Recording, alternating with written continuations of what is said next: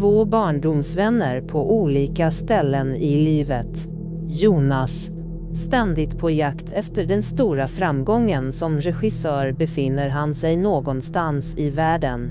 Robin, som försöker leva ett normalt liv fyllt av wellpapp i den alkoholiserade hålan Hyltebruk. Då och då möts de upp vid poddmicken och uppdaterar varandra om livet, samtidigt som de pratar om sitt största intresse, film. Detta är Filmosofi Podcast.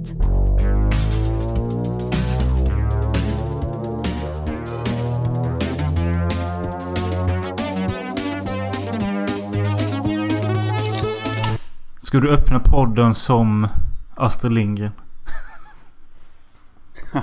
Ah, nej okej, okej, nej det kanske som en eh, Som en mysig saga. Ja men jag, jag, jag kör Astrid Lindgren-viben. Eh, Det var en enkel morgon i Malta och en fin ljuvdag i Sveriges tidiga eller kanske sena vår. Robin har precis vaknat och druckit kaffe. Endast hans tre påsar under ögonen är hans kamrater i denna stund inför när han ska podda med Jonas. Vars enda kamrater är hans navelludd som han har pillat in i kaffet för extra smak. Välkomna till Filmosofi Podcast. Där vi ska prata om Astrid Lindgrens kanske mest eminenta verk.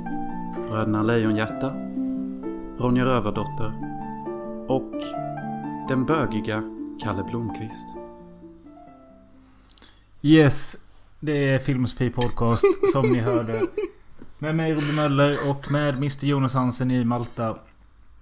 Och ja, jag, jag tänker inte ta tillbaka vad jag sa. Kalle Blomkvist har bara inte kommit ut än. Don't judge him! Nej, vi kan eh, hoppa in på hans eh, straighthet eller böghet sen.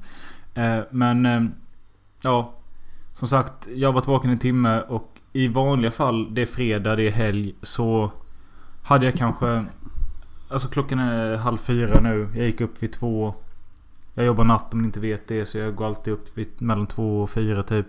Men just på fredagar så försöker jag gå upp någon timme tidigare för att få lite mer helg. Eh, I vanliga fall när vi hade poddat vid denna tiden nu så skulle jag tagit en öl. Men jag märkte att jag blir så jävla skev i huvudet. Om jag liksom... Jag gick upp för en timme sedan. Tog två mackor. Har druckit en kopp kaffe. Skulle jag ta en öl nu så slår den liksom som fyra öl typ. Det, det är som typ att mitt huvud är så jävla känsligt de här fredags eftermiddagen.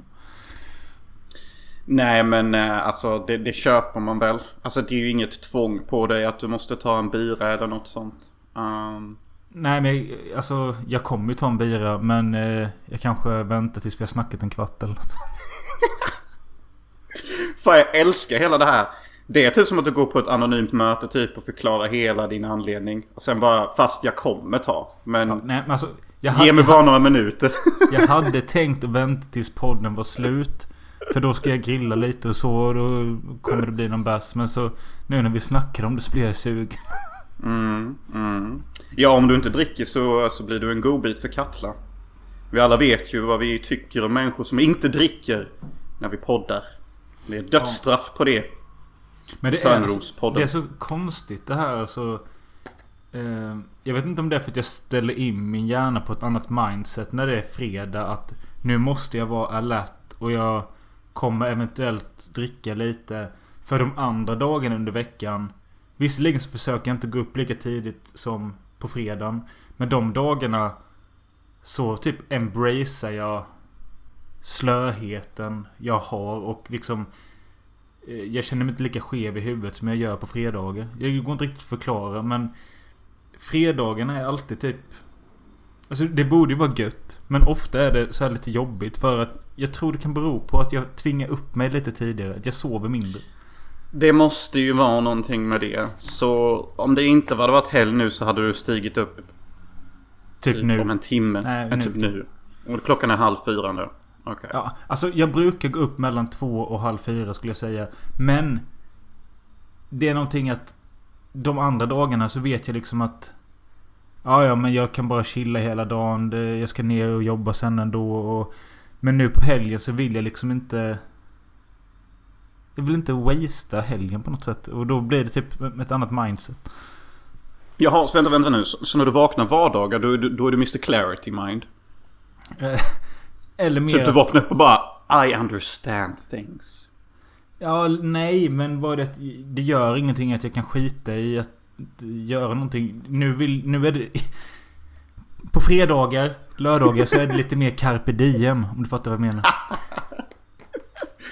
Som att knäcka en öl och grilla lite. Kanske slänga i en lime i sin bass. Carpe diem-stil typ.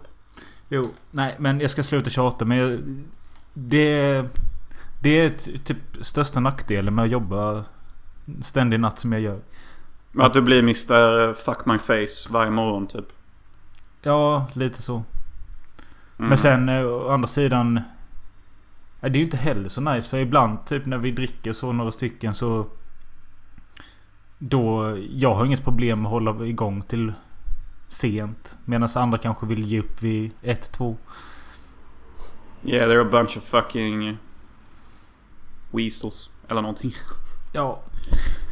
Hur som helst. Eh, ja, det står grillning på schemat idag.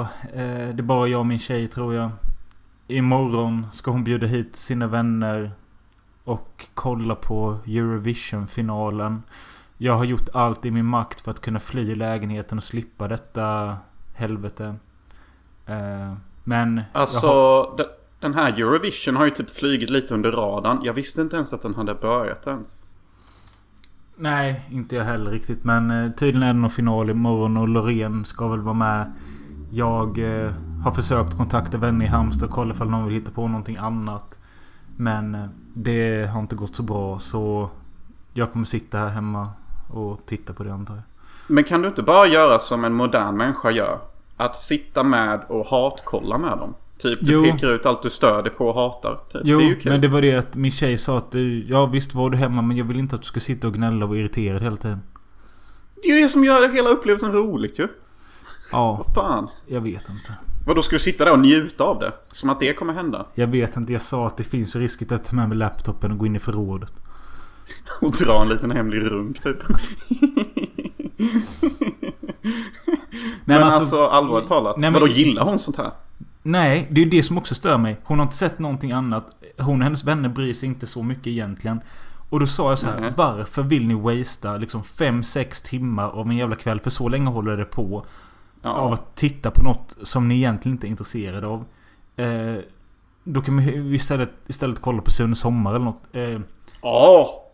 men eh, hon menar på att ja, men det är ju kul och så emellan bidragen så dricker vi och spelar spel och sånt. Och ja visst, gör det då. Jag får väl vara med.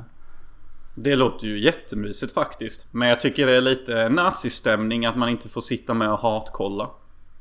Typ, aha, så jag måste ha en viss känsla när jag sitter och tittar på, på konsten som eh, givs mig typ. Nej, men det är väl... Alltså, jag, jag kan ju bli ganska bitter på ett oroligt sätt. Icke-roligt sätt. Jaha. Nej, Jaha, du har inte den, du har inte den här roliga bitter-genen. nej, Den men är alltså, god att ha. Jag kan mer bli så att jag sätter mig i hörnet, dricker lite för mycket och kollar min mobil typ. Jaha. Och typ bara den där Loreen kan fan eh, pulla sig själv typ. Säger du så här oförskämt. Jag vet inte riktigt vad fan jag snackar om men... eh, Ja. Mello är det i alla fall. Melodramatic. Indeed. Indeed. Ja. Och du då? Ska du jobba hela helgen eller? Ja, alltså av någon jävla anledning. De sätter mig alltid så att jag jobbar helger. Och jag tror det är för att de har listat ut att jag typ sällan sjukar mig. Och det är Ja. alltid folk som sjukar sig till helger. Så därför får jag nästan jobba varje helg. Alltså det är ju inte så att det är svårt att lista ut deras strategi typ. Så nu jobbar jag hela helgen. Ja, ja. Ja. De andra är lite yngre än dig. De bara super och skiter i jobbet. Alltså typ alla är yngre än mig. Alla är typ mellan 19 och 21 ungefär. Uh, Det är jag uh, och så typ tre till som är min ålder. Och så har vi en gubbe också som är typ 40 plus. Hans favoritfilm är typ Jack Black. Ja, filmen Jack Black. Ja, Filmen Jack Black. ja filmen Jack Black. Menar du Black Jack? Ja, Ja, det är väl det jag säger eller? Nej, du sa Jack Black. Ja, jag menar Blackie Jack är där. För då, jag, först, jag tänkte bara okej. Han älskar skådisen Jack Black. Och sen så sa jag igen. Ja just det, det är ju en skådis också. Nej, jag menar Blackjack-bandet. Filmen. Ja. Exakt. Good talk. yes, good talk. Och vill du veta mer som gör detta till ett uber good talk? Att jag typ hittar på lite. För att jag nämnde bara Jack Black eller Black Jack framför honom och han bara Ja, det är en bra film. Okej. Okay. Ja, jo. Nej, så jag ska jobba med freaksen och jag kallar dem freaks för att de är generation Z. Och eh, därför får de vara freaks. Ursäkta du, min du franska. Är, du är geeken då? Jag är ju millennium. Millennium. Falcon. Ja, fuck. Millennium. Uh, fuck me. Firade Nej, så jag ska du, jobba... Firade du May the 4th? Nej, det gjorde jag inte. Nej. Jag gjorde inte det. Det, det finns inte... finns ingenting att fira längre typ. Nej, men jag, jag postade våra Star Wars avsnitt igen. Jag Ja, det såg jag. Det var fint gjort faktiskt. Um, Ja. Nej, alltså det jag kan säga är att jag ligger lite i eh, the crossfire igen på jobbet typ. Um, Jaha. um, jag, jag kallade min chef för en slav typ. Slav? Ja, ordagrant. Okej. Varför? Därför att jag bedrev en kampanj att jag tyckte vi blev underbetalade på jobbet. Försökte förklara för dem att företaget är girigt. Och företaget tjänar astronomiska summor och vi får typ brödsmulor. Och han försvarade företaget som en jävla beställd nazi-leader typ. Så därför kallade jag honom en slav. Och då blev han extremt upprörd. Och efter det hatade vi varandra. Ja, vad mysigt. Ja. Ja, nej men alltså jag, jag, jag förstår väl hur du kan känna så och känna att man inte får tillräckligt med pengar. Men liksom det är ju någonting du skriver på när du blir anställd. Du vet ju om det. Exakt vad han sa. Ja. Exakt vad han sa. Och jag typ bara hyvde med handen och bara ja, ja, ja, ja, ja, ja, ja, ja. Men inflationen har typ stigit två gånger sedan jag skrev på det kontraktet. Så tekniskt sett tjänar jag två euro mindre. Ja. Och han bara... Och så försökte han sitta där och säga att han var nöjd med sin lön. Och jag bara, aha. Så om någon erbjuder dig mer, då säger du nej då? Inget svar. Så bara, ja men då är du ju inte nöjd. Nöjd indikerar att man inte vill ha mer eller mindre och allt är perfekt. Så sitt inte här och ljug för mig då. Men han fortsatte att ljuga. Och jag bara... Du är en agent. Du är Agent Smith. Du är nazist. Okej, det sa jag inte. Men det var vad jag tänkte. men vi hatar varandra nu. Han letar alla anledningar han kan för att sparka mig. Men finns det inte jättemånga kasinogrejer på Malta som du kan byta till? Jo, jag har redan börjat kolla lite. Jag har fått reda på att det finns vissa kasinon som typ så här, så länge du jobbar över ett år så får du typ 9000 euro i bonus. Uh, det typ skulle aldrig mitt företag få för sig att göra. Uh, de snarare mer jobbar på att sno ens bonus. Eller så får du helt enkelt börja med att eh, lönen du får sätter du in på ATG. Ja.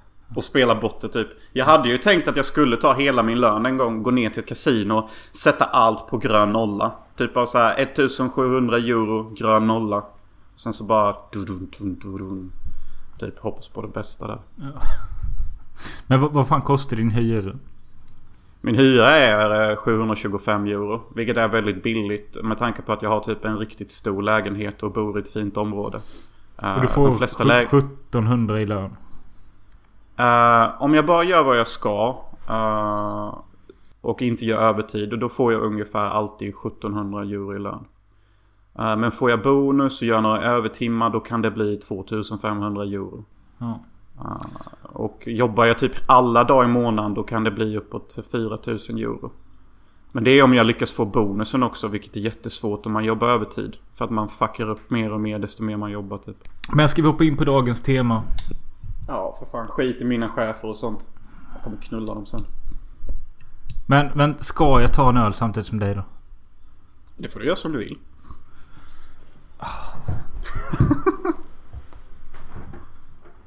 Kul ändå. Jag har rätt... Eh, eftersom jag jobbar ständig natt så har jag tre olika förmän på jobbet. För de roterar tre skift. Så de jobbar natt en, en vecka liksom. Och sen så byter de. Och den killen jag hade denna veckan han är rätt skön. Och han gjorde en grej på den maskinen. Jag, han ändrade en grej. Så sa han bara Mölle jag vet att du blir tjurig om jag gör detta. Men jag bjuder på en öl. Och jag bara Ja visst när får jag den ölen då? Nej, du får den imorgon. Eh, jag bara... Jaha, okej. Okay. Och sen så glömde jag av det för vi, det var liksom bara mest skämtsamt. Sen när igår när jag kom till jobbet så kom han med... Först... Den här. Oj. Eh, vilket är en Nils Oskar-öl inspirerad av Iron Maiden. Eh, fast den är non-alcoholic. Men han tyckte burken var cool så han köpte en sån till mig. Men så fick jag även en... Någon nyhet på systemet. 45 Days Rice Lager. Jävlar. Eh, så det var kul. Schysst. Ja det var ju jätteschysst. Schysst att han höll sitt ord. Ja. Hur många gör det nu för tiden typ? Skål. Skål för hans ord. By the way, efter klunken här. Lyssnare här, eminenta lyssnare, vet ju att jag är lite typ så här filterlös. När jag pratar typ. Jo tack. Jo, men jag måste säga att på senare tid har någonting hänt inom mig. Uh, alltså Q Patrick Bateman, something horrible is happening inside of me typ. Uh, alltså jag är nu vad kidsen säger helt unhinged. Okej. Typ bara som det där att jag rakt i ansiktet kallar min chef en slav typ och står för det. Och sen, alltså jag säger vad som helst, det finns inget filter längre. Jag säger vad jag tycker och tänker hela tiden. Jag har blivit som innan jag blev ihop med mitt ex typ. Men du förstår I'm back kan, baby. Du förstår att det kan bita dig i röven och förstöra allt i ditt liv. I know, I know. Men mitt inre är typ bara Jonas är unhinged. Han kan säga vad som helst. Vad som helst kan hända. Typ bara Fan vad gött, he's back. Gjorde inte Russell Crowe en film nyligen som hette Unhinged? Det vet jag inte. Däremot vet jag att han gjorde The Pope Exorcist som vi har pratat om innan som var rätt mäktig. Och där är han typ också unhinged. Han säger typ till sina uh, överståtrar som är präster typ bara Fuck you. I'm the fucking nazi priest, you can't do shit. Vad, vad, vad, har du någon plan med att bli så här då? Nej, detta är mitt sätt att ta tillbaka min egna frihet. Det finns så mycket... Är mycket är propaganda. slav? Va? Är det du Ja, jag är slav. Jag, jag vet, vet du vad jag sa efter till min chef efter jag kallat honom slav? Då sa jag så här, jag är också slav. Vi jobbar för samma lön, kära du. Liksom, och det är inte så att vi tycker och ställer någonting i våra liv. Du, du är lika mycket slav som jag, typ. Så det var ju liksom ingen personlig diss. Det var ju mer ett statement bara att vi är slavar. Slava Ukraine. Slava! Ukraina! Russia! Jonas.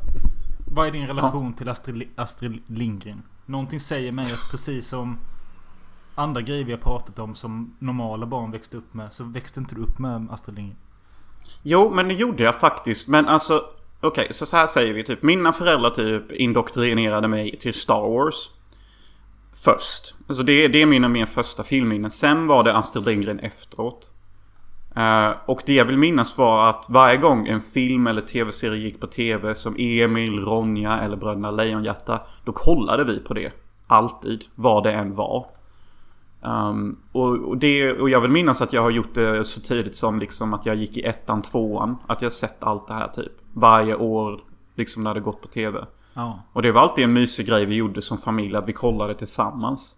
Speciellt också om vi gick till mormor och morfar. Då kunde vi kolla på hela Ronja Rövardotter eller alla Emil i Lönneberga. Och så gjorde man det som familj liksom. Ja. Nej men då har du ju ändå den barndomsgrejen med dem också. För Absolut. jag är också uppvuxen med det och eh, var väl något av det första jag fick se när jag var liten som jag kan komma ihåg. Eh, och jag vet att eh, Just Emil blev jag ju väldigt förtjust i. Eh, jag tyckte det så. Alltså det var coolt att han täljde sina jävla bössor och sån skit. Eh, jag vill också ha trägevär och... Eh, sen vet jag att mina föräldrar köpte genom någon sån här jävla tidning, någon prenumeration. Eh, man fick eh, en Astrid Lindgren-film i månaden var det väl. Säkert svindyrt på VOS. Som till slut bildade Astrid Lindgren på ryggen. Var det via Expressen? Som när de gjorde sin eh, Nej. Beck och James Bond-grej typ. Det här var mer något sånt häfte man fick hem med prenumerationer. Men i alla fall så samlade, man, samlade vi ihop alla de filmerna då. Jag vet inte hur många det blev. Men eh, det var väl alla de stora i alla fall. Och sen vet jag att min syrra lånade ut en utav filmerna. Om det typ var vi på Saltkråken eller något sånt. Till en kompis. Och den kompisen slarvade bort den. Och det har, det har irriterat min pappa i 20 år nu. Ja du alltså jag förstår din farsa alltså. Ja. För det var så fult sen i hyllan när det liksom saknades en bokstav i Astrid Lindgren. Nej. Har han fortfarande kvar The Collection eller? Nej, det tror jag vi slängde någon gång. Men, eh, Nej men usch. Vet du vart han bor fortfarande? Han som har tagit uh, ja, det, var, det var en tjej. Jag vet inte var hon håller hus. Nej det är nog bäst alltså. Ja. Komma tillbaka och ta tillbaka den efter alla dessa år typ. Men när jag var liten så... Eh, jag tror... Alltså jag, jag, tyckte väl om typ alla men sen hade man vissa favoriter och jag skulle väl säga att... Favoriterna är väl de vi kommer prata om idag. Plus att jag tyckte mycket om eh, Pippi på de sju haven. Det var väldigt häftigt med de här piraterna och skit. Eh. Jag har alltid tänkt på den filmen på senare tid att...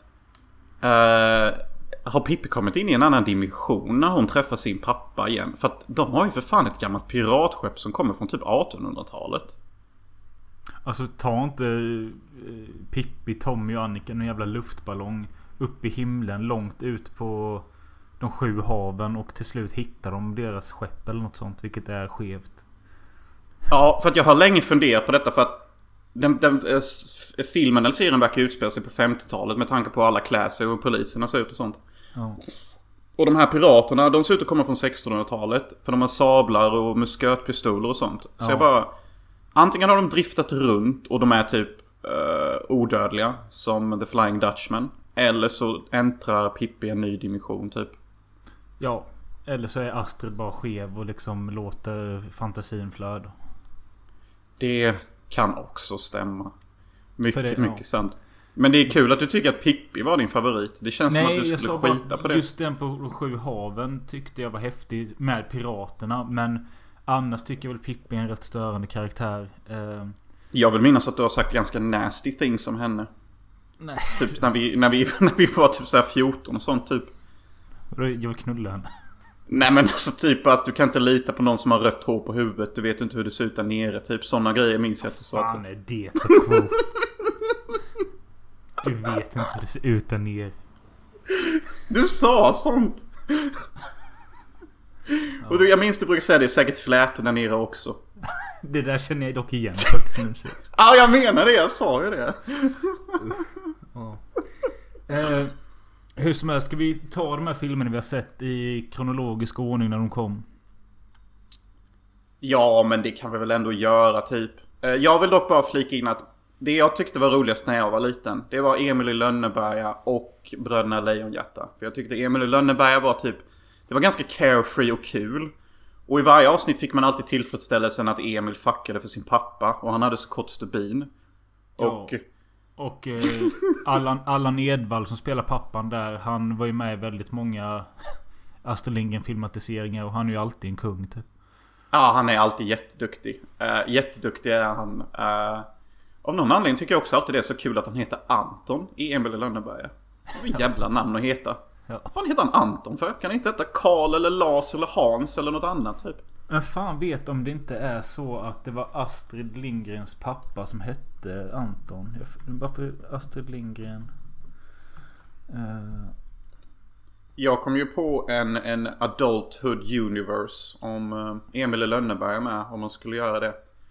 Då hade jag velat att eh, Emils pappa skulle gå och bli senil. Och så tar Emil hand om honom på herrgården typ. Det hade jag tyckt varit en häftig idé. Och så kan spontant Anton bara Förgrömmade unge! Och så säger Emil men jag har inte gjort någonting. Och så bara nej.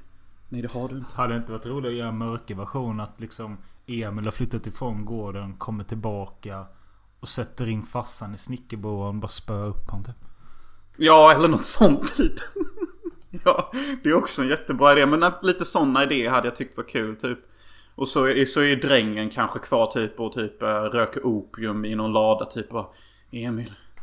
Du skulle aldrig introducerat mig till den där jävla kinesen från öst. Ge mig opiumet nu! Din Men jävel. alltså, är det inte ändå ganska fint ändå att nästan...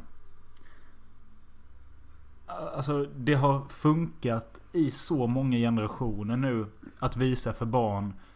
Eh, och är fortfarande mysigt. Och jag tror, alltså jag har snackat med några. De visar ju fortfarande de här filmerna för sina barn. Och det är ändå filmer nu som vi snackar om. Alltså de populäraste är gjorda på 70-talet.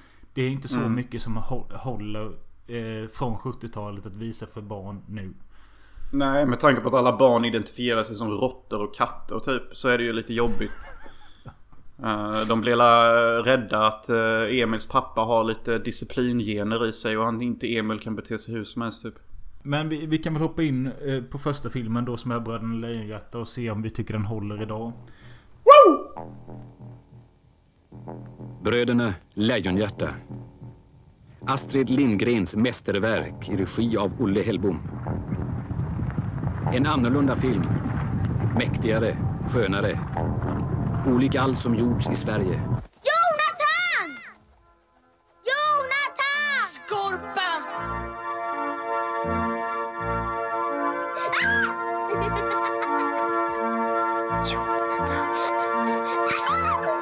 Berättelsen om bröderna Lejon. Som kommer från vår värld och blir bröderna Lejonhjärta i sagornas och lägereldarnas tid. En tid där sagorna är både onda och goda. Bortom de uråldriga flodernas flod. Inne i de uråldriga bergens berg ligger Tengils land. Där vidunder föds ur urtidsslammet.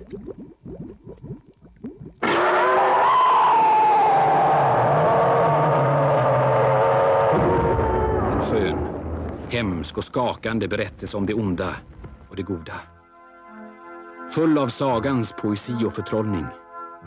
Astrid Lindgrens Bröderna Lejonhjärta i regi av Olle Hellbom. Den... Eh, den kom 1977. Eh, Oh! och är gjord av Olle Hellbom som eh, gjorde väldigt eh, många Astrid Lindgren filmatiseringar. Alltså otroligt många. Va? Gjorde han Mio min Mio också? Eh, det tror jag inte för den är ju amerikansk. Ja. Ja, nej jag vet fan. Eh, men ja, Bröderna Lejonhjärta. Alla vet väl vad den handlar om. Eh, Lille Skorpan är sjuk i tuberkulos som var en lungsjukdom som fortfarande finns men typ inte i Sverige. Eh, han är döende och eh, i filmens inledning så börjar det brinna i deras lägenhet och hans brorsa Jonathan tar honom på ryggen och hoppar ut genom fönstret. Och Jonathan dör, Skorpan överlever.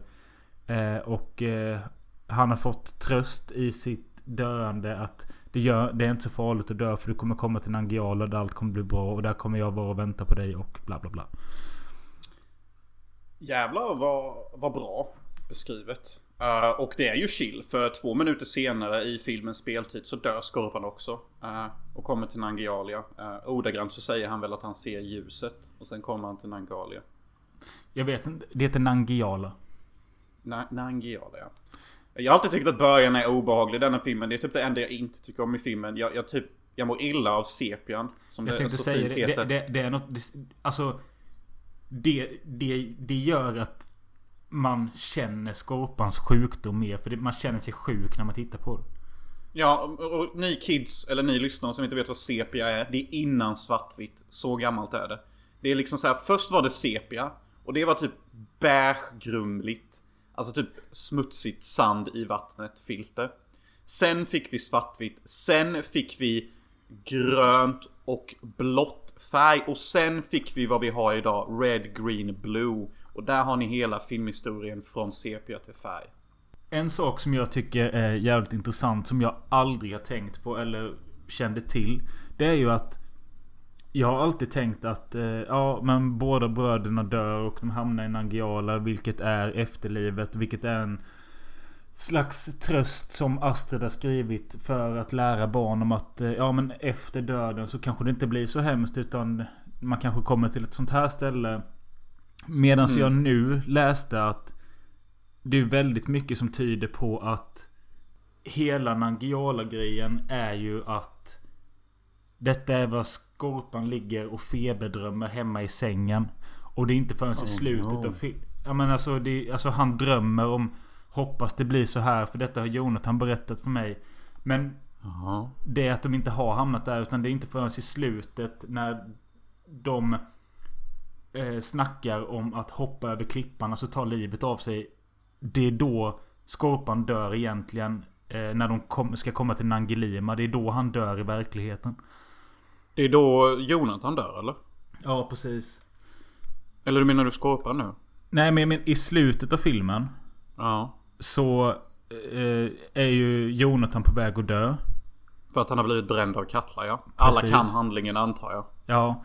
Men eh, att det har nog egentligen inte hänt utan eh, det är... För där snackar Jonathan om att Kommer du ihåg när vi hoppade från fönstret där hemma? Ska vi hoppa över klippan nu ihop?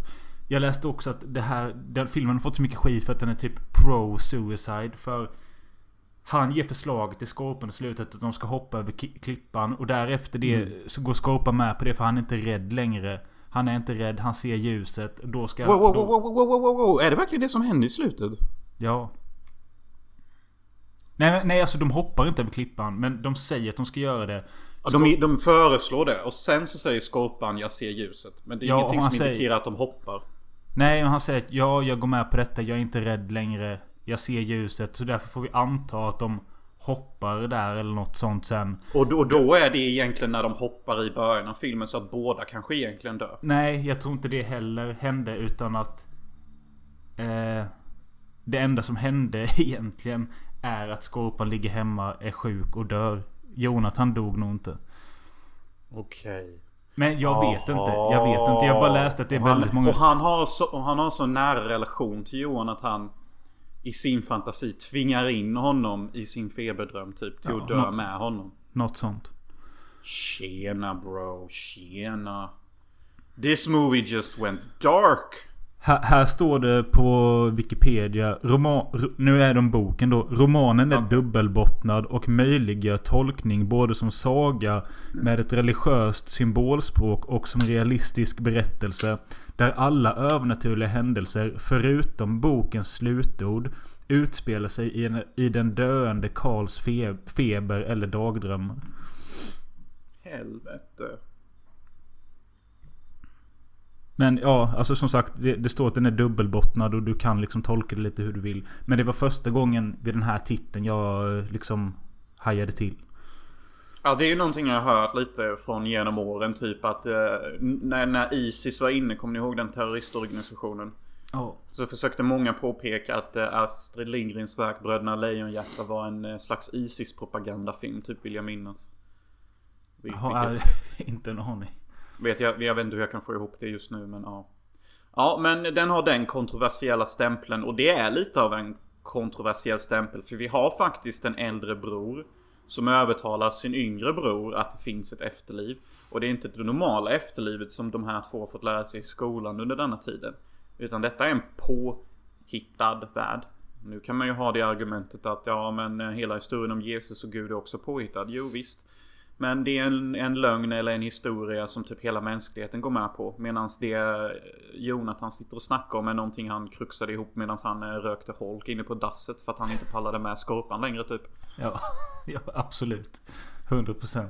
Men... Eh, ja, och jag gillar ju... Alltså... Filmen fick... Det var ju kontroversiellt för att den handlar om barn som dör och eh, efterlivet och allt sånt här. Och jag köper det. Det är en ganska mörk historia. Speciellt om man tänker att den är riktad till barn. Boken, ver, ver, boken verkar till och med lite värre. Eh, Nej den är inte värre typ. Boken typ. Nej, precis. Eh, och vad var det jag ville säga med detta? Jo, jag tyckte det var intressant med någonting annat jag inte tänkt på innan. Det är ju att det är ju verkligen en total avsaknad av föräldrar i denna filmen. När de bor i den här lägenheten i början. Man hör ju en kvinnoröst i bakgrunden. Som jag antar ska föreställa mamman. Eller om det är någonting på radion. Men det är också väldigt skevt att det aldrig nämns om de hade föräldrar eller något. För det är begravning sen för Jonathan och det verkar som att de inte har några föräldrar. Eller så är det bara att det måste finnas någonting med det. Ja men det, det är väl antagligen det som gör psykosen så stark för Skorpans feberdröm. Att det finns inga föräldrar eller riktiga människor som kan liksom tygla deras verklighetsuppfattning. Uh, och, och Jonathan, jag får nästan intrycket av att Jonathan är en fin och snäll själ. Det fattar man direkt. Han har, han har liksom inga idéer om att våldta Lille Skorpan eller något sånt.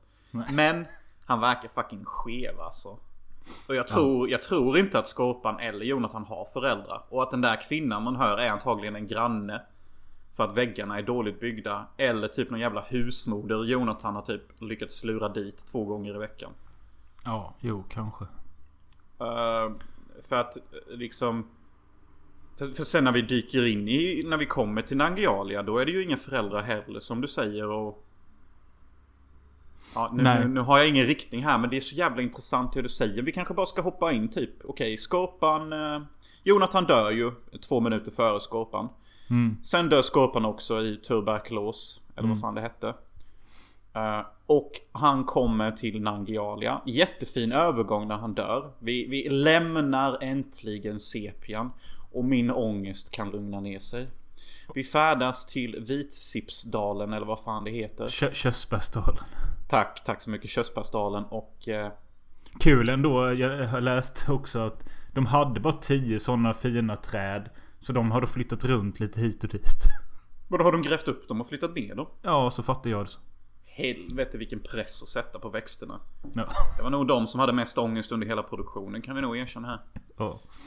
Fy fan vad hårt. Ja, men tänk dig själv. Nej, jag vill inte ens gå in på det. Jävla tortyr typ.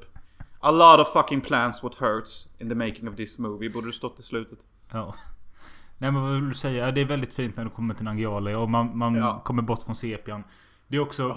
Jag kände direkt när jag satte igång filmen att... Just ja, den här...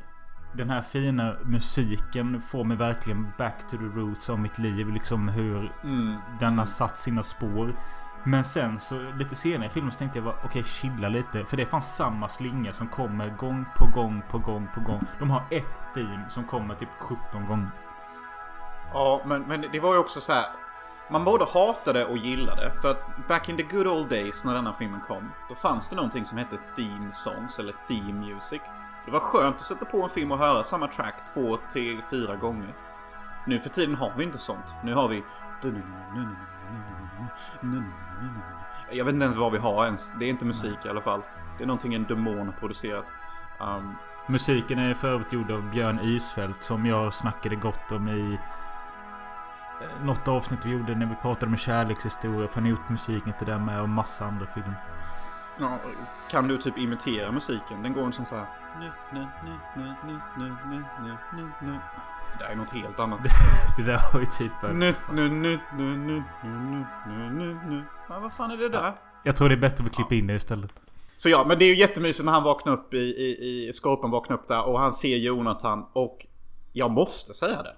För det, det måste bara sägas. Att den är. Usch. Tack. Jag tänkte först lägga en disclaimer att ni som är känsliga lyssnar inte nu. Men... Alltså, det är jättefint. Och det är typ charmigt och roligt att se de här pojkarna springa runt i, i fucking tights. Och nakna. Och nakna typ. Och fiska tillsammans, äta tillsammans, böga sig tillsammans. Jag tänker bara säga det. Och jag tycker att just den här första 20 minuterna när de är i Nangialia. Filmen tvekar aldrig på att typ vara så bögig som möjligt. I'm just gonna say it.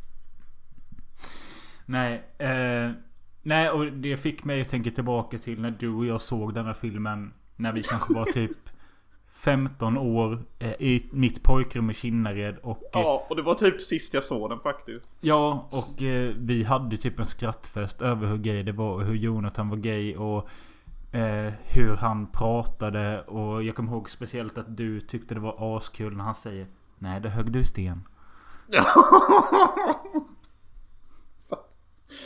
Det var första gången jag hörde uttrycket och la märke till det och jag bara tänkte vad fan. Alltså nu vet jag ju i vuxna dagar att det var ett vanligt uttryck. På 70-talet typ. Ja, Men alltså, på sättet han levererade på. ja, Alltså, alla hans deliveries är alltid gay. att hade inte jag varit en snäll människa så hade jag knullat dig Skorpan. jo. Absolut. Ja, men det är någonting som är alltså, störande med eh, Lille Skorpans eh, Stockholmska med. Alltså den är så jävla grov och... Vad menar du med det? Nej men det är så störande. Alltså jag kan inte ens härma honom men... eh, Har han stockholmska? Ja men det är ju verkligen så här. Sofia!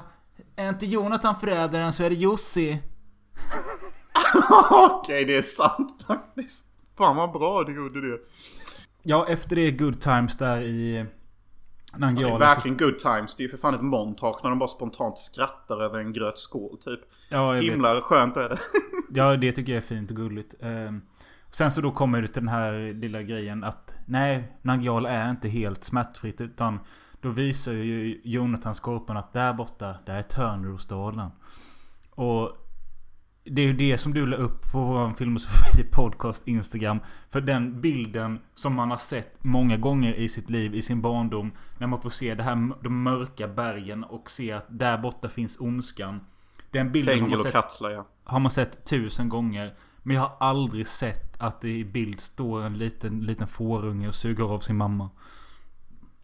Nej, det var första gången jag lade märke till det också. Det är verkligen typ så här 90% av bilden är vacker Sagan om ringen-vibe. Och sen i högra hörnet har vi en fårmamma som ser ut och njuter rätt mycket av att hennes jävla unge riktigt suger tag i hennes spene typ. Alltså det är verkligen fellatio.com. Ja, men alltså, det- jag, jag vet inte om det var avsiktligt men alltså det är distracting. För att det där lilla fåret verkligen går upp i skrevet alltså. Verkligen digs in. Alltså det är verkligen typ I'm going for it typ. Jag skiter ifall en kamera är på mig typ. Eh, Fanns det Men- inte fler tagningar? Eller vad tänkte regissören? Typ att det här ska bli kul. Det här blir en kul grej typ. Jag vet inte faktiskt. Men... Eh, eh, någonting säger mig att du... Du älskar ju Tengil. Det gör jag. Därför att han är stek. Och han har fashion sense. Och han har en fucking drake at his command. Ja, och det, alltså det jag kände extra mycket vid denna titeln är ju att det är så jävla... Det är så extremt bra kontraster över hur jävla ond han är och hur jävla hemsk Törnrosdalen är. Alltså de är ju, de är ju hemska alltså. Jag älskar när Tengils soldater introduceras för första gången. För att eh, så här är det. Jonathan måste sticka till Törnrosdalen för något hemligt fucking quest. Men han skulle Skorpan rädda, rädda. Orvar. Ja, rädda Orvar eller någonting. Skorpan måste stanna kvar i sin hydda. eh, där han hade världens bästa time. Sen har han en dröm eh, om att Jonathan typ blir uppäten av solen. Ja, det ser faktiskt ut så. Um, så att han vill inte vara någon liten lott och därför beger han sig till Törnrosdalen och då introduceras vi till Tengils soldater och allt det för första gången. Och jag tycker Tengils soldater är höjdpunkten av filmen. Allt de säger är skitkul och skitrått. För de har alltid såna jävla konstiga typ mansröster typ bara Ja den... Eh, det ska bli gött att bränna Katla-märket på den där Jussi. Ja, så man vet var skåpet ska stå. Och, och, Speciellt när de har, alltså när de har den här... eh, det här torgmötet med alla invånare i Törnrosdalen som har blivit förslavade under Tengil. Eh, Den scenen tyckte jag var så jävla obehaglig när jag var liten. När eh, vakterna går ut och plockar folk som de ska ha till någonting. Och eh, de fokuserar på en familj där fadern eh, kritiserar Tengil. Det är då han skriker eh, En dag ska du också dö. Har du tänkt på det? Och så ja, kommer ja. de och tar de honom och hugger huvudet av honom. Och det tyckte jag var så jävla läskigt när jag var liten.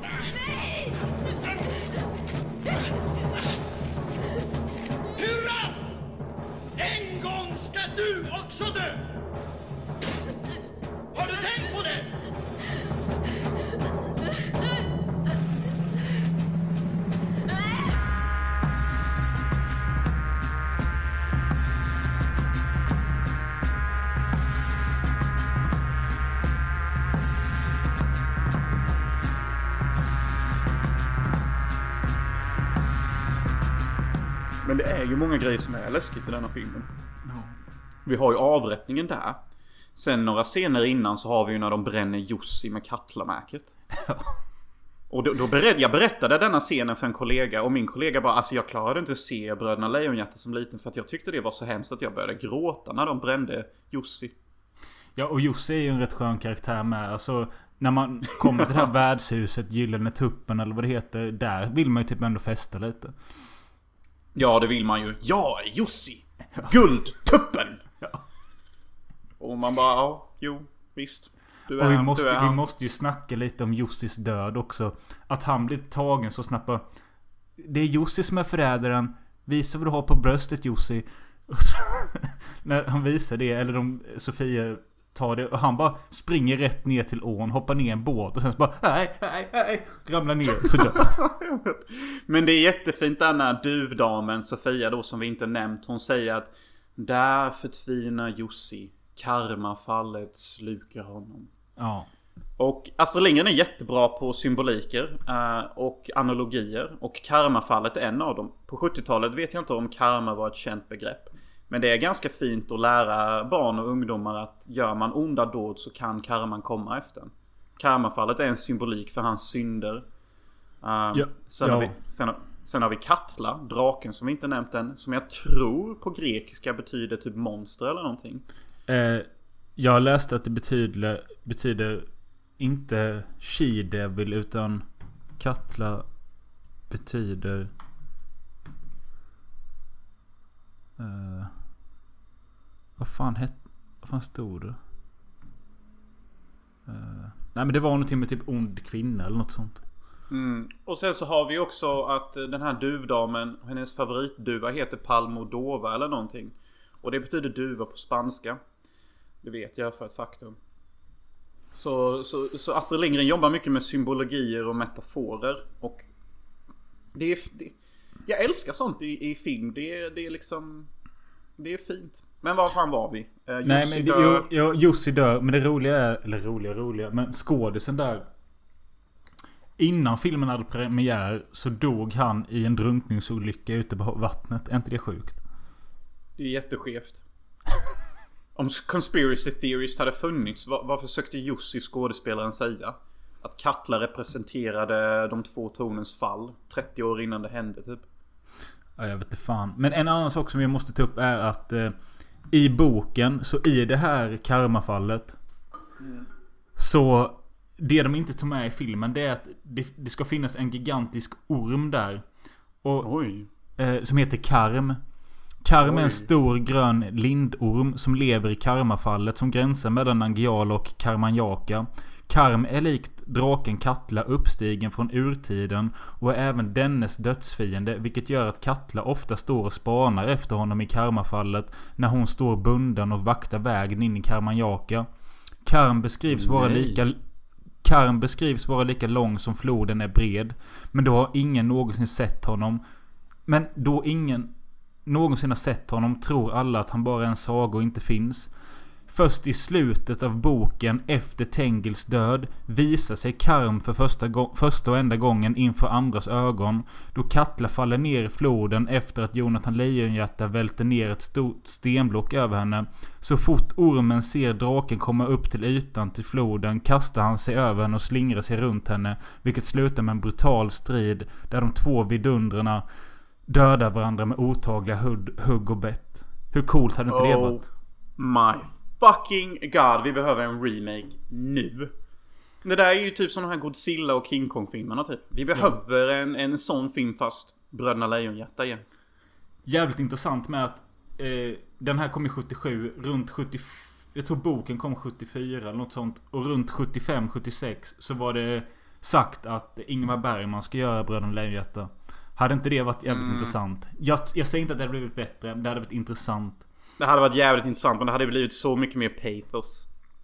Det hade Ja. ju blivit så mycket mer ångest, så mycket mer utdragna saker och konversationer typ. Eh, jag tror inte det hade nödvändigtvis blivit bättre. Det hade bara blivit lite annorlunda och intressant typ.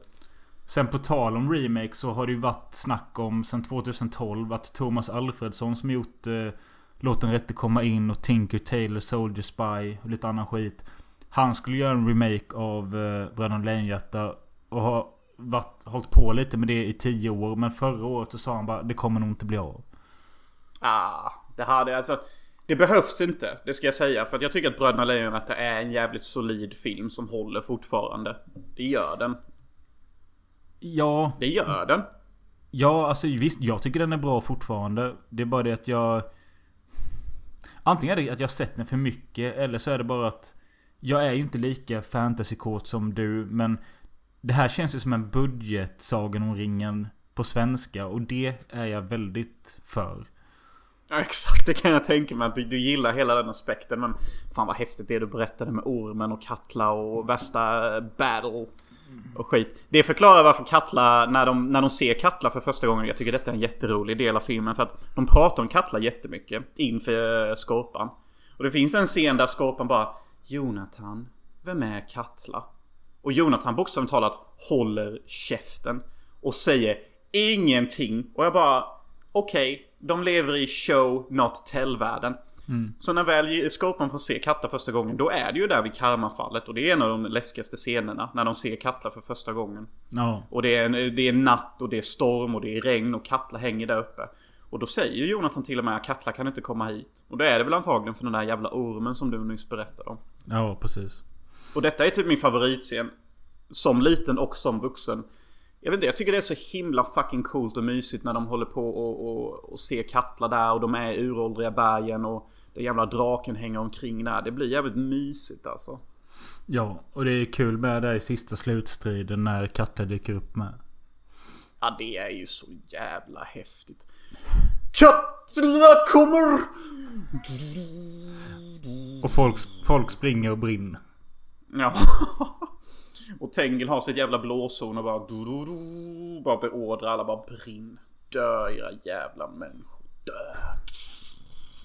Sen kan jag väl tycka att slutfighten mellan eh, Tengil och Jonathan är väl lite sådär. Men ja. Jag tycker, det, jag tycker slutfighten funkar jävligt bra för att först har de liksom den här striden. Och den är helt tyst, det är bara ett soundtrack över. Och sen så kommer ljudet tillbaka när en av de eh, rebellerna knäcker flaggan liksom. Då får vi ljud och bara segern är vår! Och sen så blåser hornet. Det är Per, per fas. Oskarsson är det ju. Exakt, exakt. Och så byter vi fas. Sen så kommer Katla, bränner alla, det ser tomt ut. Sen kommer hjälten, snor blodzonet och sen så bara dör Tengil typ. Det är jävligt bra uppdelad fight typ. Alltså för att vara en svensk film så sköter de denna krigsscenen jävligt bra typ. Det, vi har inte nämnt också men Allan Edwall som vi nämnde innan. Han gör också en liten roll här som farfar. Eller morfar. Eller vad fan det är. Och hela hans story tycker jag är så kul för att hur många gånger dodgar inte han döden i denna filmen? Jo.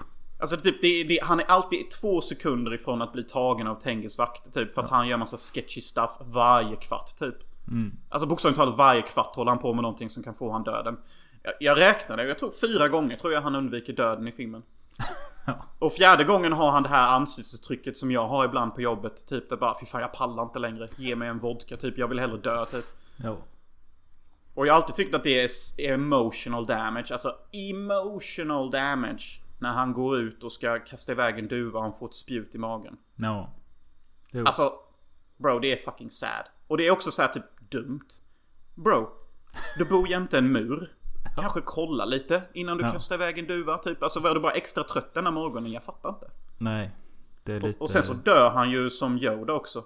Typ Skorpan ligger bara Snälla morfar eller farfar Snälla farfar dö inte Och farfar bara Nej men då får jag väl ta och låta bli det då Och så tar det typ hela filmen för honom att dö Typ som när Yoda dör i Return of the Jedi Det är så fucking sad Det är så fucking sad Eh, men vi måste kanske gå vidare. Snart snackat en timme. Eh, Shit Shit men det säger väl någonting att det är ju fortfarande kul att se Bröderna Lejonhjärta.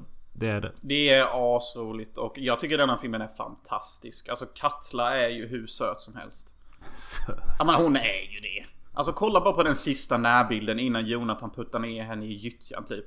Man ser ju tydligt att det är en kvinna. Som, som, vill, som vill äta lite, må bra.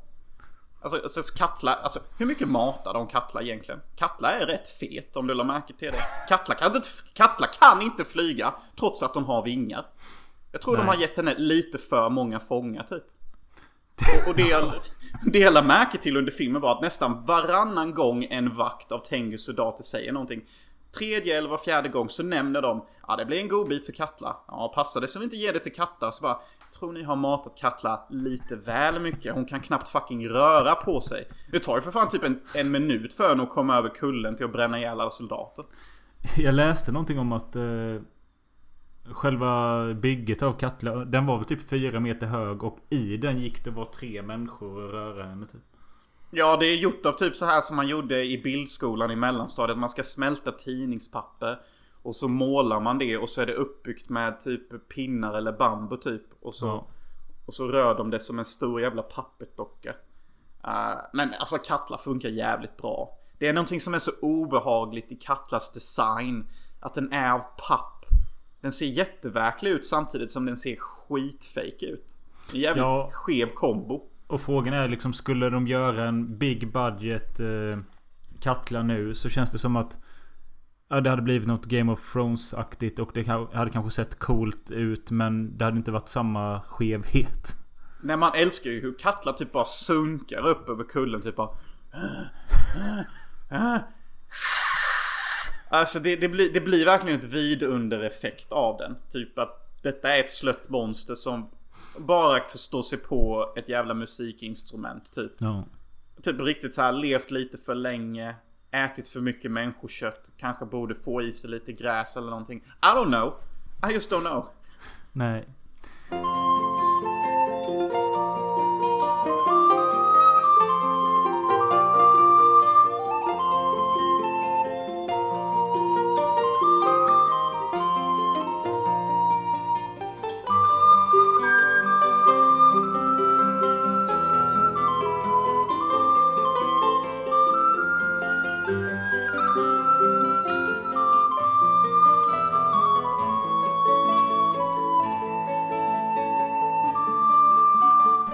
Hur som helst, 1984 var det dags att filmatisera Ronja Rövardotter. Eh, som Astrid skrev 81. Filmen kom då 84 som jag sa. Den, eh, det var meningen att Olle Hellbom som har gjort majoriteten av Astrids filmer skulle göra den. Men han dog typ eh, under förarbetet med filmen. Eh, och eh, den gick istället till Tage Danielsson som eh, känd genom Hasse och Tage, komikerduon. Eh, Han skulle regissera den. Och eh, ja, vad har vi här? Vi... Det handlar om eh, Ronja som eh, föds en natt med, under ett hemskt åskoväder. Eh, I Mattisborgen. Som samma natt kly, klivs i tu av åska. Eh, vilket jag reagerar på. De reagerar knappt på att allting bara går sönder. Nej. Det är jävligt liten reaktion till att en blixt från Tor själv splitter typ världens största borg i mitt och typ separerar den en meter, två meter nästan. Ja. Ja, och det, det, hela början är sjukt intensiv. Det, det är som sista avsnittet i eh, en, en tv-säsong typ. ja. Det brinner viltkorpor som är half korpa, half sexy lady. Vildvittror. Vildvittror, ja tack. De, de skriker hela tiden. Det blixtrar dunder och allting brinner och djur dör och borgen splitts itu. Alltså det är ju typ så här typ finalen till... Inte fan vet jag, Sagan om ringen 4 typ. Om Ja. den filmen hade funnits. Jo men absolut. Eh, och eh, där blir eh, eh, Mattis då den här ledaren över borgen. Han blir jättestolt över att han eh, Att han ska bli far Eller att han har blivit far Med det klassiska citatet Vad är det han skriker? Jag ska ha barn Ja Jag ska ha barn! Jag ska ha barn! Ja. Men sen, eh, ja, Ronny växer upp och eh, de får reda på att samtidigt så, samma natt så föddes eh, eh, Mattis ärkefiende Borka födde sin son samma natt Birk. Och eh, då blir eh, Mattis jävligt förbannad för han ville vara ensam. Han vill inte att Borke ska ha något barn. Mm. Det är en rivalitet mellan dem. Eh, och den är ju ganska speciell ändå. För de, de dödar ju inte varandra utan de jävlas bara med varandra hela tiden. De jävlas och slåss. Det finns någon viss typ av heder mellan dem typ. Eh, och det, det är någonting jag tycker är beundransvärt i, i filmen. Men filmens fokus är ju Ronjas eh, personlighet och hennes vilja till att bli eh, Självständig typ. Exakt. Mycket bra ordval där. Och... Eh, alltså vad fan kan man börja? Alltså Ronja är ju, är ju inte så mycket handlingsdriven. Alltså Ronja Rövardotter är ju mer en livsstilsfilm i ett form av medeltids fantasy-universum. Ja, Det tänkte jag med på denna gången att det är liksom bara typ segment ur deras liv under några år. Ja, eller några veckor eller vad fan det är. Jag har ingen koll typ. Alltså först... Det, är- det, är, ju, det är ju en tv-film. Nej men det, det är, det är... Nej det är det inte. Det är gjort som en långfilm. Sen delades den upp till en tv-serie. Jaha. Men... Eh, Ja, ja. Eh, alltså...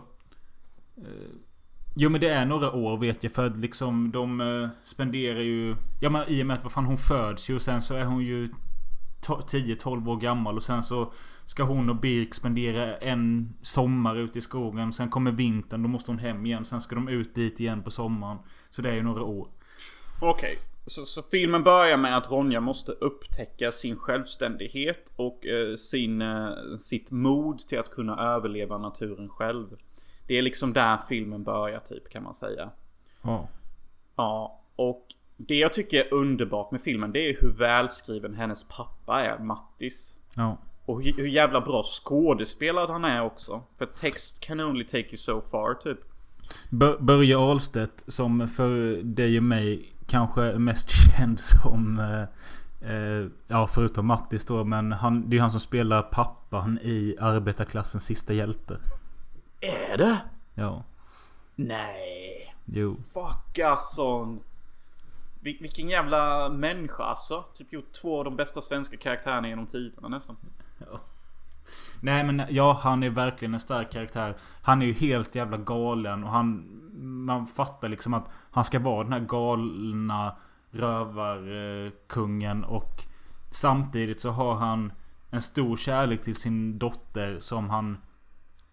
Han kan ju inte acceptera riktigt att hon vill slå sig fri och sånt. Nej, vad, filmen börjar med typ att Typ bara, jag måste få prova hur det... Nu är jag Ronja då. Jag måste få prova hur det är att vara ute själv i skogen så jag kan överleva. Och då säger ju typ Ronjas mamma, ja det måste hon faktiskt. Och Mattis är den överbeskyddande pappan typ. Och när de väl beslutar sig för att hon faktiskt ska få överleva själv ute i skogen. Då får vi en jättefin scen typ där bara... Där Ronja typ bara, vad händer om jag ramlar ner i helveteskapet då? Och då säger typ ju hennes pappa typ Ja då finns du inte mera! Ah! Alltså han typ kaplicerar det bästa av det manliga könet och det bästa av det kvinnliga könet. För att han visar lika mycket oro och rädsla för sitt barn som en kvinna gör. Men han visar också lika mycket skydd och protection som en man gör. För att redan samma natt när hon är ensam ute i skogen och grådvärgarna kommer. Ja. Som är Ewoks. De är bokstavligt talat Ewoks från Return of the Jedi. Och de omringar henne. Då kommer Mattis och typ boxar ner alla typ och är the man. Ja. Men sen efter han har gjort det då visar han sin kvinnliga sida och typ visar jättemycket såhär Snälla du måste vara hemma, låt mig ta hand om dig, du är min dotter. Och jag bara, jag har aldrig sett en sån perfekt karaktär. Som kan representera båda könen så bra typ. Nej. Absolut. Och på tal om grådvärgarna så är det ju verkligen ett läskigt eh, djur Astrid har kommit på där som liksom De kommer bara fram i mörker och de drar sig till folk som är rädda. Det är läskigt. Usch. Ja, usch. Och så säger de typ ingenting heller. Utan de bara hunkar fram typ. Ja. det finns så jävla många creatures i denna filmen. Sen har vi viltkorporna. Som jag sa innan. Vildvittror. Vildvittror, tack. Som Ja, och det var det, det var det som var kul med när du nämnde det. För eh, Annie sa det bara Det är väl de som har bröst typ. Och jag bara va? Mm. Sen så bara så, Det har de ju typ. Mm, så det är typ flygande sexiga damer typ. Eller vad fan ska man säga? Alltså det är korp... De ser ut som korpor, eller? Jag vet inte. De ser ut som korpor som har gift sig typ med någon 50 year old sexy lady typ. Och de flyger omkring och typ bara... Och då, då, när de kommer in i filmen första gången. Det var då jag insåg att denna filmen har påverkat det svenska folket väldigt mycket. För då säger de här vildvittrorna syns inte, finns inte. Ja. Och ja, detta är någonting jag minns jag fick höra var, nästan, nästan varje år under min uppväxt sa min mamma till mig Syns du inte, finns du inte? För att jag pratade om mina filmer och vad jag ville göra i livet. Och då sa Ja. min mor Syns du inte så finns du inte. Och jag bara, ja det är ju en check sak att säga. Jag tänkte inte mer på det. Nu får jag reda på att det kommer från denna fucking filmen typ. Ja. Nej men det är ju väldigt mycket Astrid-filmer som har lett till citat och ja, kanske livsråd. Filosofi. Ja. Och vi måste ju komma in när en av eh, Ronjas kumpaner, alltså en av hennes rövargäng, alltså Skallepär då. Ja. Också också Allan, Ed, Allan Edward. Också Allan där ja. Han säger Ja men lite lort rensa magen. Och jag vill minnas när jag växte upp så sa alltid våra familjemedlemmar när vi tappade en köttbit på marken eller något. Då sa de Då tog de köttbiten från marken, la tillbaka den på tallriken och sa lite skit rensar magen. Ät nu Jonas. Vi måste gå in där lite på maten. För det är någonting som har fastnat ganska djupt i mig. Och det var när jag var liten och såg det här. Och Delvis hur det ser ut när de sitter och äter i träskålar med träsked. Och äter någon jävla sörja. Och dricker öl eller mjöd eller vad fan det är i de här trästopen. Och när eh, Birk och Ronja äter av Lovis bröd. Alltså det är sånt som jag tyckte det såg så gott ut när jag var liten. Så jag, alltså, jag Det ville, gör det. Ja. Det Jag gör ville ju det. liksom, jag, jag kommer ihåg att jag satt, jag vet inte om det är brödet eller om det är någon köttbit Birk äter. Men då satt jag ju hemma och typ tog tag i min macka och bara åt och slet likadant som han. Bara, det ska smaka likadant. Ja. Ja. Nej men det är en underbar livsstilsfilm och anledningen till att vi inte pratar så mycket om hur handlingen utvecklas och hur handlingen går är för att det inte är så mycket handling. Det är liksom en livsstilsfilm typ. Det är liksom Ronja som trotsar sin far och sen så är det lite tjafs med borgen vid sidan om typ. Den enda stora nyckelhändelse som egentligen händer det är när Mattis, Ronjas farfar då kidnappar sonen. Och... Pappan. Eh, ja. Precis, och hela den där skiten händer. Det är typ det enda alltså. Ja, det är den här rivaliteten mellan eh, Bor- eh, Mattis och Borka. Och Borka spelas ju av Per Oscarsson. Sju, sjukt ful är han. Sjukt ful i denna filmen. Fy fan och Ehm. hans fru. Oh my god. Vi har ju en De har- liten eh, bikaraktär som kallas Lillklippen som sjunger ett par gånger i filmen. Och han är ju spelad av Tommy Körberg. Vet du vem jag menar?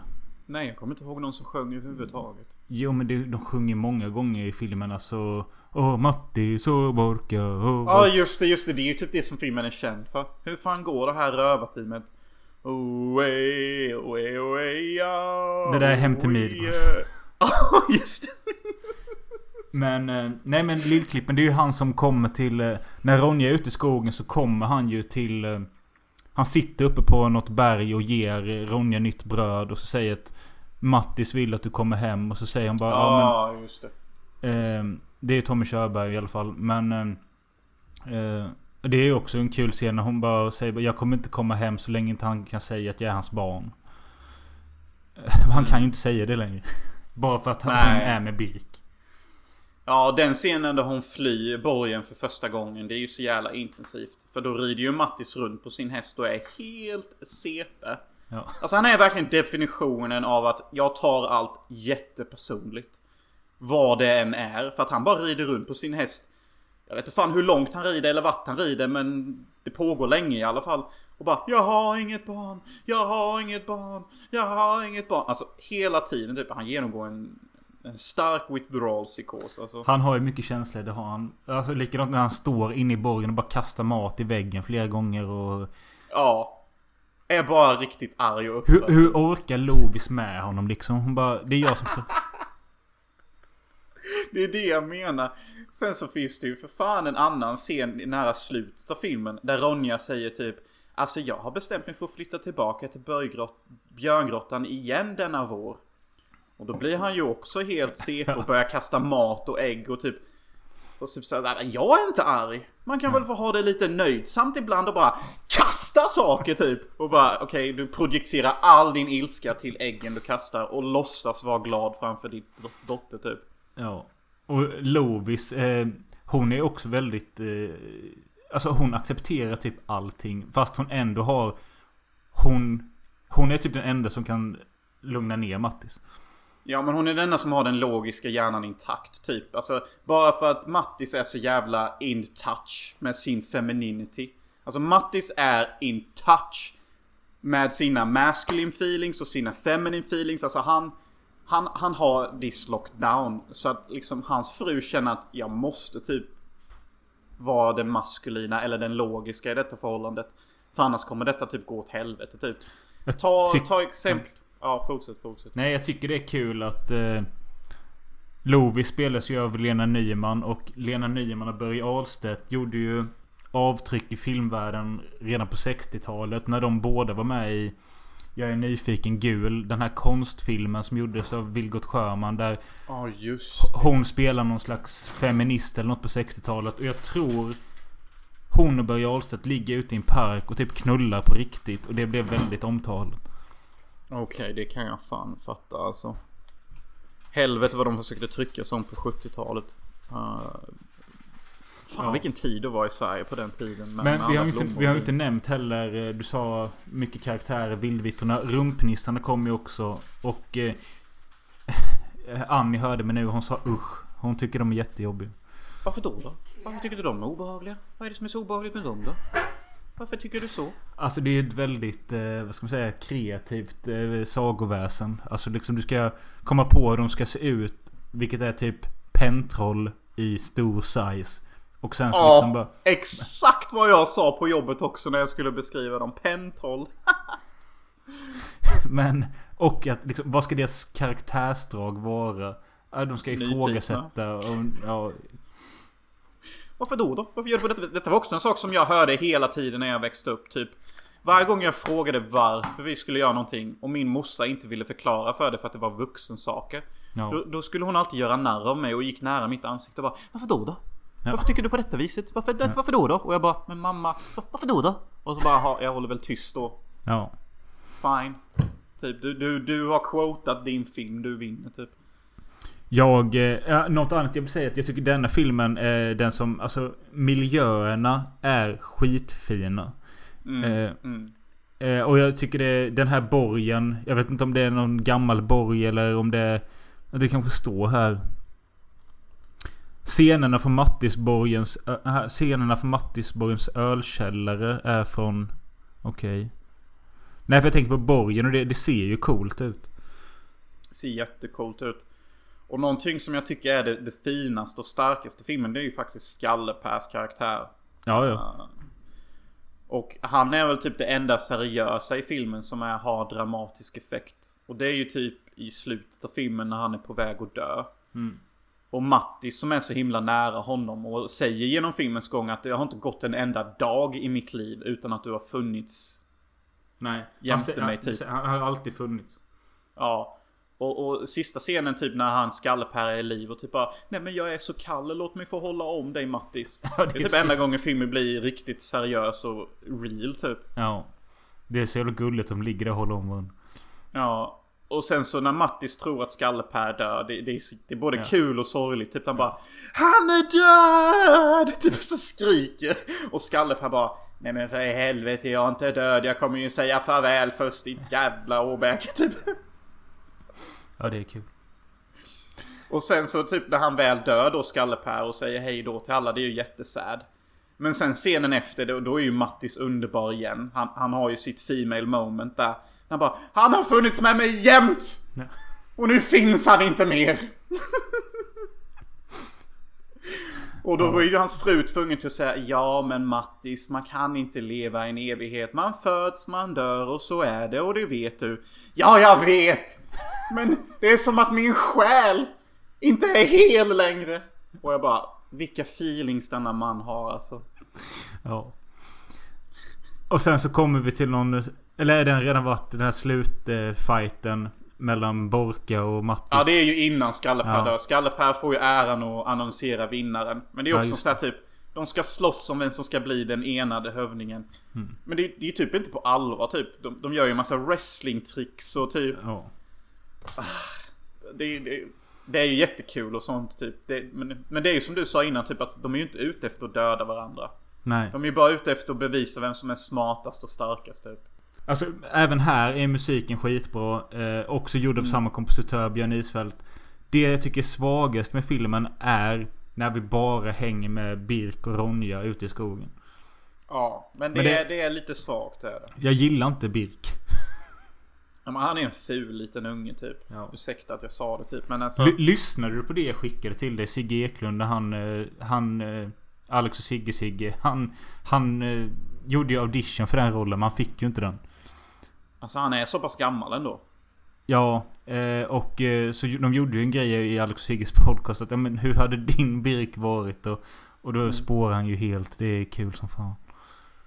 Ah, det där får vi nästan klippa in lite eller lyssna på typ. Eh, Du, du gick alltså på casting för att bli Birk. Ja, och då blev jag uppmanad också att sova, vakna ser mig omkring oroligt. Och hur gick det då? Nej, jag blev ju inte vald som du, som bekant. Vilket stör mig eh, till denna dag, alltså, för att eftersom han var så usel, den här Hofström. För övrigt bror till Mikael Hofström, numera Hollywoodregissör. Och det var intressant med två obegåvade bröder på varsitt sätt på något sätt. Sådär. Ja, men det, det måste ju vara, av alla de här fasansfulla barnskådisarna i svensk filmhistoria, så är han ju, Det är värst av alla. han, han tar priset ju. Ja, det gör han. Men alltså, jag förstår. Hur många gånger tänker du rädda mitt liv, söstra mig? Han gjorde till och med eh, konsttricket att skrika vårskriket falskt. Att han inte ens kunde klara av det. Ah! Ah! Men, Jävla onaturligt och otäckt. men du, otäckt är det väl inte? Ah! Men du är ju bara bitter Sigge. Men kan det varit så bara innan vi fortsätter, kan det varit så att eftersom Tage Danielsson var rödhårig, Ja. att han kände sig besjälad med Hofström men- som också var rödhårig och därför valde honom fast han var usel på uttagningen. Förstår du? Han ville stötta, som, flintskalliga vill stötta andra. Du pratar ju om att du känner dig besjälad med andra stammare. Mm. Förstår du att han känner att han vill ge den här rödhåringen en chans? Ta den, eh, ta den re- repliken du Sigge. Och gör den till din då. Hur skulle du ha låtit i din tappning? Hur många gånger tänker du rädda mitt liv, systra mig? Men förlåt, är det, är det en åldrad person som... Nej men, eh, Är Birk eh, 70 år? I, i, i, Nej, var det inget bra eller? jag tror fan att eh, Tage gjorde rätt Hur många gånger tänker du rädda mitt liv, systra mig? Vad fan, vad är det här? Men jag försöker bara hitta Birks själ. Ja okej, vad, vad, vad är det? Vad är det då? Han är väl inte Hur utvecklings... många gånger tänker du rädda mitt liv, systrar mig? Jag vill inte vara Mattis dotters skelettskott, vad kär i mig. Jag vet inte. Eh, det räcker bara med att du gör ett bra vårskrik för att övertyga mig och lyssnarna om att du hade gjort, att du hade gjort Birk bättre. Alltså så vill jag då bara höra då. Hur skulle det Hur- låta? hur Ditt, jag- hur skulle du vårskrika om du hade haft rollen?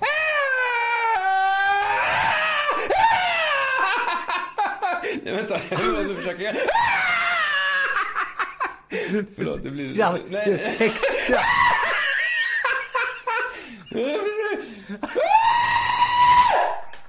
Eller? Men ja, det är den svagaste biten av filmen. Och även fast det inte är jättetråkigt så är det faktiskt inte direkt intressant alls. Nej, Ah, men å andra sidan när du väl får, bara får hänga med dem så är det väldigt ofta det klipper till fina naturbilder. Det kan vara lite ugglor, det kan vara någon fin sjö Mm. och så är det den fina musiken. Så det absolut. Jag funderar lite nu på när vi pratar om det om jag kanske har satt för lågt betyg. För jag har satt en trea på båda de här, denna och Lejonhjärta. Ja, det är lite lågt alltså. alltså. Bara titta på hur mycket feeling, så mycket skratt och hur många fina bilder det finns i båda verken. Och typ hur engagerande det är. Och, och alla fucking quotes som blivit en del av svensk kultur. Alltså hur många räknade inte jag upp i Bröderna Lejonhjärta? Syns inte, finns inte. Lite skit rensar magen. Skallepär. Jag gör vad jag brukar göra och du gör vad du brukar göra. Man kan väl få ha det lite nöjdsamt. Alltså det är så många quotes som svenskar använder varje fucking dag. Ja. Eh, om vi ska sluta på en eh, sad note med denna filmen så var det ju att Olle Hellbom som skulle regissera den dog i förarbetet. Kort efter filmen var klar så dog Tage Danielsson, regissören. Så alla bara dör hela tiden. Ja. Eh, lite en rolig fakta vi kan kasta in här att i slutet av detta året så kommer vi faktiskt belönas med en remake av Brö- Bröderna, eller av, av Ronja Rövardotter. Det kommer bli Just en ny det. långfilm som kommer i slutet av året. Jag har kollat Jag tror, trailern. jag tror tyvärr att det är en tv-serie. Fuck my balls. Eh, det får vi hoppas det inte är. Jag har kollat trailern. Men jag ser nu, det är en serie. Ah shit alltså. Shit. Eh, Johan Ulveson som Skallepär. Okej, det blir riktigt kul. Det är bra casting alltså. Ja. Fy fan vad bra.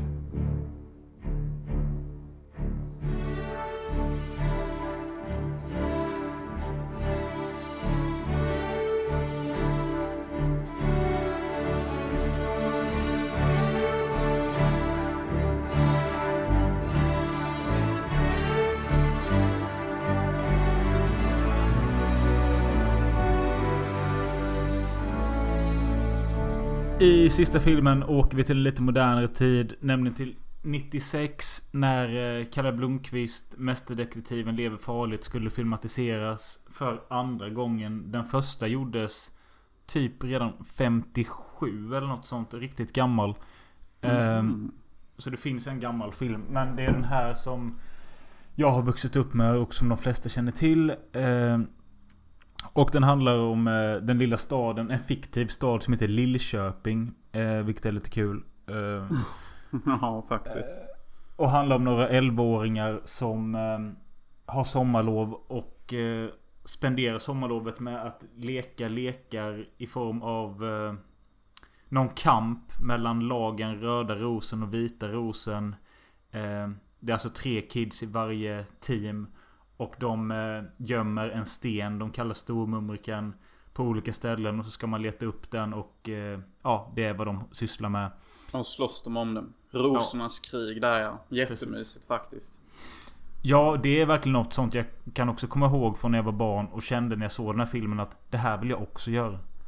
Men detta var ju sånt som jag och min bror faktiskt lekte förr i tiden i Unnaryd. Som typ ser ut som Lillköping nästan gör.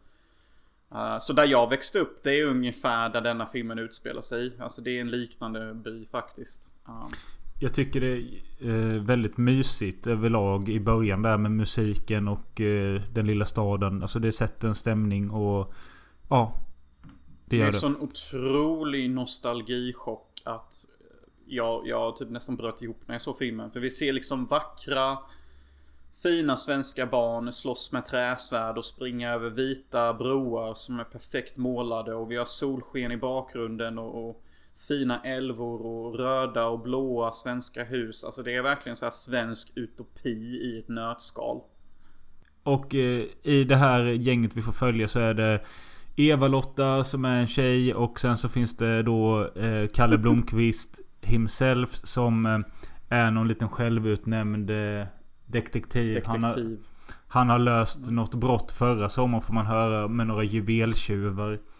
Ehm, och så har vi då Anders som är den här långhåriga killen. Eh, och under deras eh, Rosornas krig-kamp så en dag så hittar eh, eh, Eva-Lotta ett lik är det va? Eller hon Mm, blir... mm. Ja precis.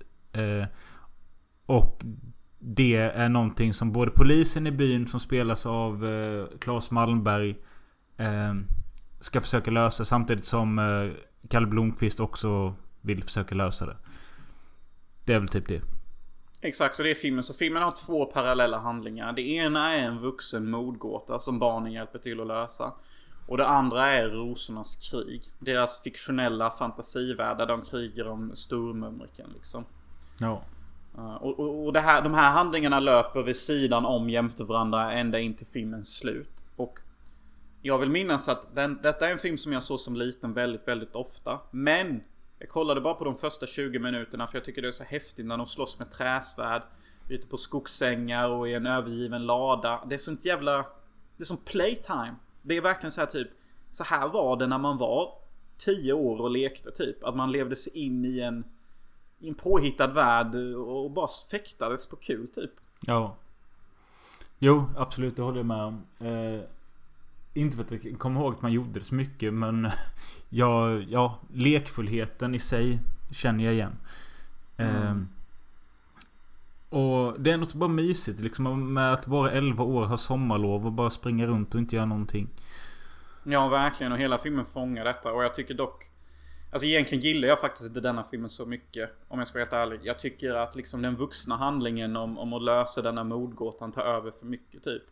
Och den är ganska enkel och simpel. Och jag tycker att barnens fantasi och deras lekfullhet är mycket, mycket roligare att följa. Det är någonting med att jag har alltid... Alltså detta är en som jag sett om många gånger. För att jag tänker att den är ju skitbra. Men den är ju inte det. Den är ju inte det. Alltså jag... Jag är nog inne på samma spår som dig. Att det är någonting med mixen som inte riktigt funkar. Att Mm. den blir... Även fast det är en mix av både drama och humor och allt annat i de andra filmerna vi har pratat om. Så här så funkar det inte riktigt. Den blir aldrig riktigt kul. Och det här mordmysteriet blir aldrig särskilt läskigt, mörkt eller spännande. Jag vet inte. Exakt. Eh, Problemet den gör att den tar typ det bästa från båda världar. Men gör inte det bästa av de båda världarna. Nej. Det kan stämma. Eh, Jag... Fan, jag vet inte. Det jag tycker funkar bäst som är egentligen det minsta i filmen. För det är typ bara två scener. Det är ju den här jävla damen från Stockholm som är på besök hos någon av barnen. Spelar som Ulla Skog. Ja, exakt. Och en riktigt sexig milf där. Och, och som flörtar med en av barnen så bara mm, Anders, vilken pojk. Och så säger en av barnen, ja det där är Ulla Skog. Hon är lite cast-tokig. Och jag bara, oh det här är kul typ. Ja. Och sen finns det ju någon scen där någon av barnen försöker gömma stormumriken eh, i någons rum. Och då sover ju Ulla Skog i samma jävla rum typ. Ja, just det. Och då klipper ett av barnen av håret på henne för att han tror att det är en av de andra barnen. Och då blir hon ju helt CP och bara oh, ingen man har någonsin smugit sig in och snott en bit av mitt hår. Och det, bara, det här är en rolig karaktär, det här kan jag stand behind liksom. En riktigt kåt dam typ. Ja. Eh, men fan, vad finns det mer att säga om den här egentligen? Jag... Det eh, finns ju ingenting typ. Det är ju det som är så fucking sad. Att både Ronja Rövardotter och Bröderna Lejonhjärta hade man kunnat haft en individuell podd om ju typ tre timmar för varje film. Men här, här finns det typ inget att säga. Det, det är en, en nostalgidröm typ som inte är jättebra. Ja, den är ju mysig och likadant den här musiken de använder här. Det är inte Björn Isfält denna gången men eh, Det instrumentala är jättemysigt och passar filmen jättebra. Men när de börjar sjunga så vill jag stänga av. Och så har det varit så här, Alltså De tio senaste åren så har den här legat med i någon playlist jag har. Och då lyssnar jag på de första 30 sekunderna sen bara åker den av. För att det är fan barnkör och skit. Det är jättedåligt. Riddare och hjälte, ja vad man än vill bli Allting är omöjligt med lite fantasi Över kullerstenar, in i gränder vi smyger Ja, det, det, det är inte fantastiskt alltså. Uh, så det... Uh, och jag, jag, alltså jag har egentligen ingenting mer att säga om den här filmen. Alltså den är inte... Alltså... Alltså den Nej. har bara det mysiga going for it, typ. Ja. Bilderna, den svenska utopin, fantasin kring ett eh, perfekt Sverige, barnen, sommarlovet. Det funkar. Men allt annat är typ bara meh, meh, meh. Axelryck hela tiden typ. Jag kommer ihåg en grej jag tyckte var mäktigt när jag var liten. Och det är när man får se när Kalle Blomqvist eh, Stoppar under en bit tapet under en dörr för att pilla ut nyckeln på den andra sidan. Så den ramlar ner på tapeten så drar han det under dörren så Mm. får han nyckeln låsa upp. Det tyckte jag var häftigt. Jo, det är ju, det är ju faktiskt lite häftigt. Då bevisar han ju att han är lite av en eh, Sherlock Holmes karaktär typ. Ja. Och det var ju antagligen tack vare den filmen alla lärde sig det tricket. För jag vill minnas när jag var barn att jag tror vi har gjort det där tricket ett par gånger. Både på skolor och nedstängda affärsbutiker i min lilla by typ. Så det är också någonting som har ämmat sig fast. Har du sett eh, den eh, uppföljaren till denna som heter Kalle Blomqvist och Rasmus? Nej, men det var den jag laddade ner först och trodde att det var den riktiga filmen vi skulle se. För det, den kom ju något år efter denna och den, så, den tyckte jag var svagare än denna. Så gillar man inte denna så ska du nog inte se den andra. Men jag kan också ha fel för Rasmus har jag inte sett så många gånger. Ehm, Men det är liksom... Det är några tjuvar eller något och de här tre personerna kommer tjuvarna på spåret. Men med sig får de en liten kille som heter Rasmus som typ är sex år. Eh, kul trivia om den lilla Rasmus dock är att när jag spelade som pingis som mest när jag var typ så här 12-13 år. Då var den Rasmus-killen etta i Sverige eller i Norden. I pingis. Wow. Du har spelat med en liten kändis där då alltså. Jag har inte spelat med honom men... Eh, ja, vi var inte på samma nivå. Men eh, ja, han var... Ja. Mäktigt typ. Ja. Men eh, ja, jag vet inte. Jag, jag, jag tänk, det är någonting med Kalle Blomqvist som lurar mig in till att jag alltid tror att den ska vara väldigt bra. Men det är bara som du säger, den har det mysiga, sen är det ingenting. Exakt, och det var exakt det jag alltid kände som liten. För varje gång jag satte på filmen, då sa min farsa samma sak som du sa, alltså min pappa. Han bara, du gillar inte egentligen denna filmen Jonas. Du gillar bara början med svärden och att det är så mysig sommar. Men du hatar egentligen handlingen. Jag bara, nej det gör jag inte alls pappa. Och han bara, ja okej, men då kommer jag tillbaka om 20 minuter så kommer jag sätta byta film då. Ja. Och jag bara, nej. Sen så kom han tillbaka så kollade jag det på Godzilla eller något. Jag bara, vad var det jag sa? Så bara, ja du hade rätt då, förlåt pappa. Du vet bättre. Ja. Eh, nej men det var ändå jävligt kul att eh, se om de här. Eh, det, var, alltså det var kul att se om Kalle Blomqvist med även fast den inte är så bra. Ja, Det var det faktiskt. Den var bättre än vad jag minns. Om, om, men det säger fan inte mycket. Nej.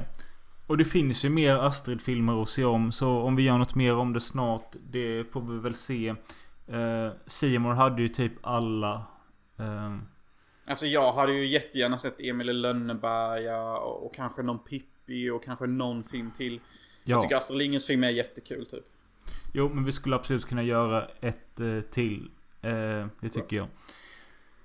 Eh, hur som helst, vi har snackat på väldigt länge nu. Vi kanske är klara för idag. Hoppas ni tyckte avsnittet var kul. Och eh, skriv gärna vilken, är, vilken eran... Eh, om Mölle laggade bort nu så kan jag ju ta tillfälle här att det var så himla kul att ni ville lyssna på denna Astrid Lindgrens podd. Vill ni att vi gör mer Astrid Lindgren så bara säg till så gör vi det. Vi kanske till och med gör ett Patreon exklusivt Astrid Lindgren. Tack så Men mycket för att ni lyssnade. Hör inte du mig längre? Och eh, ta hand om varandra. Hallå? Och eh, kom ihåg att... Eh, ja, det finns väl säkert alltid någon där ute som älskar er typ. Och om det inte gör det, kom ihåg att älska er själva. Jonas hör ju inte mig längre men jag håller med han och säg gärna vilken eran Astrid Lindgren film som är eran favorit. Eh, och eh, ja, ha det gött. Hej.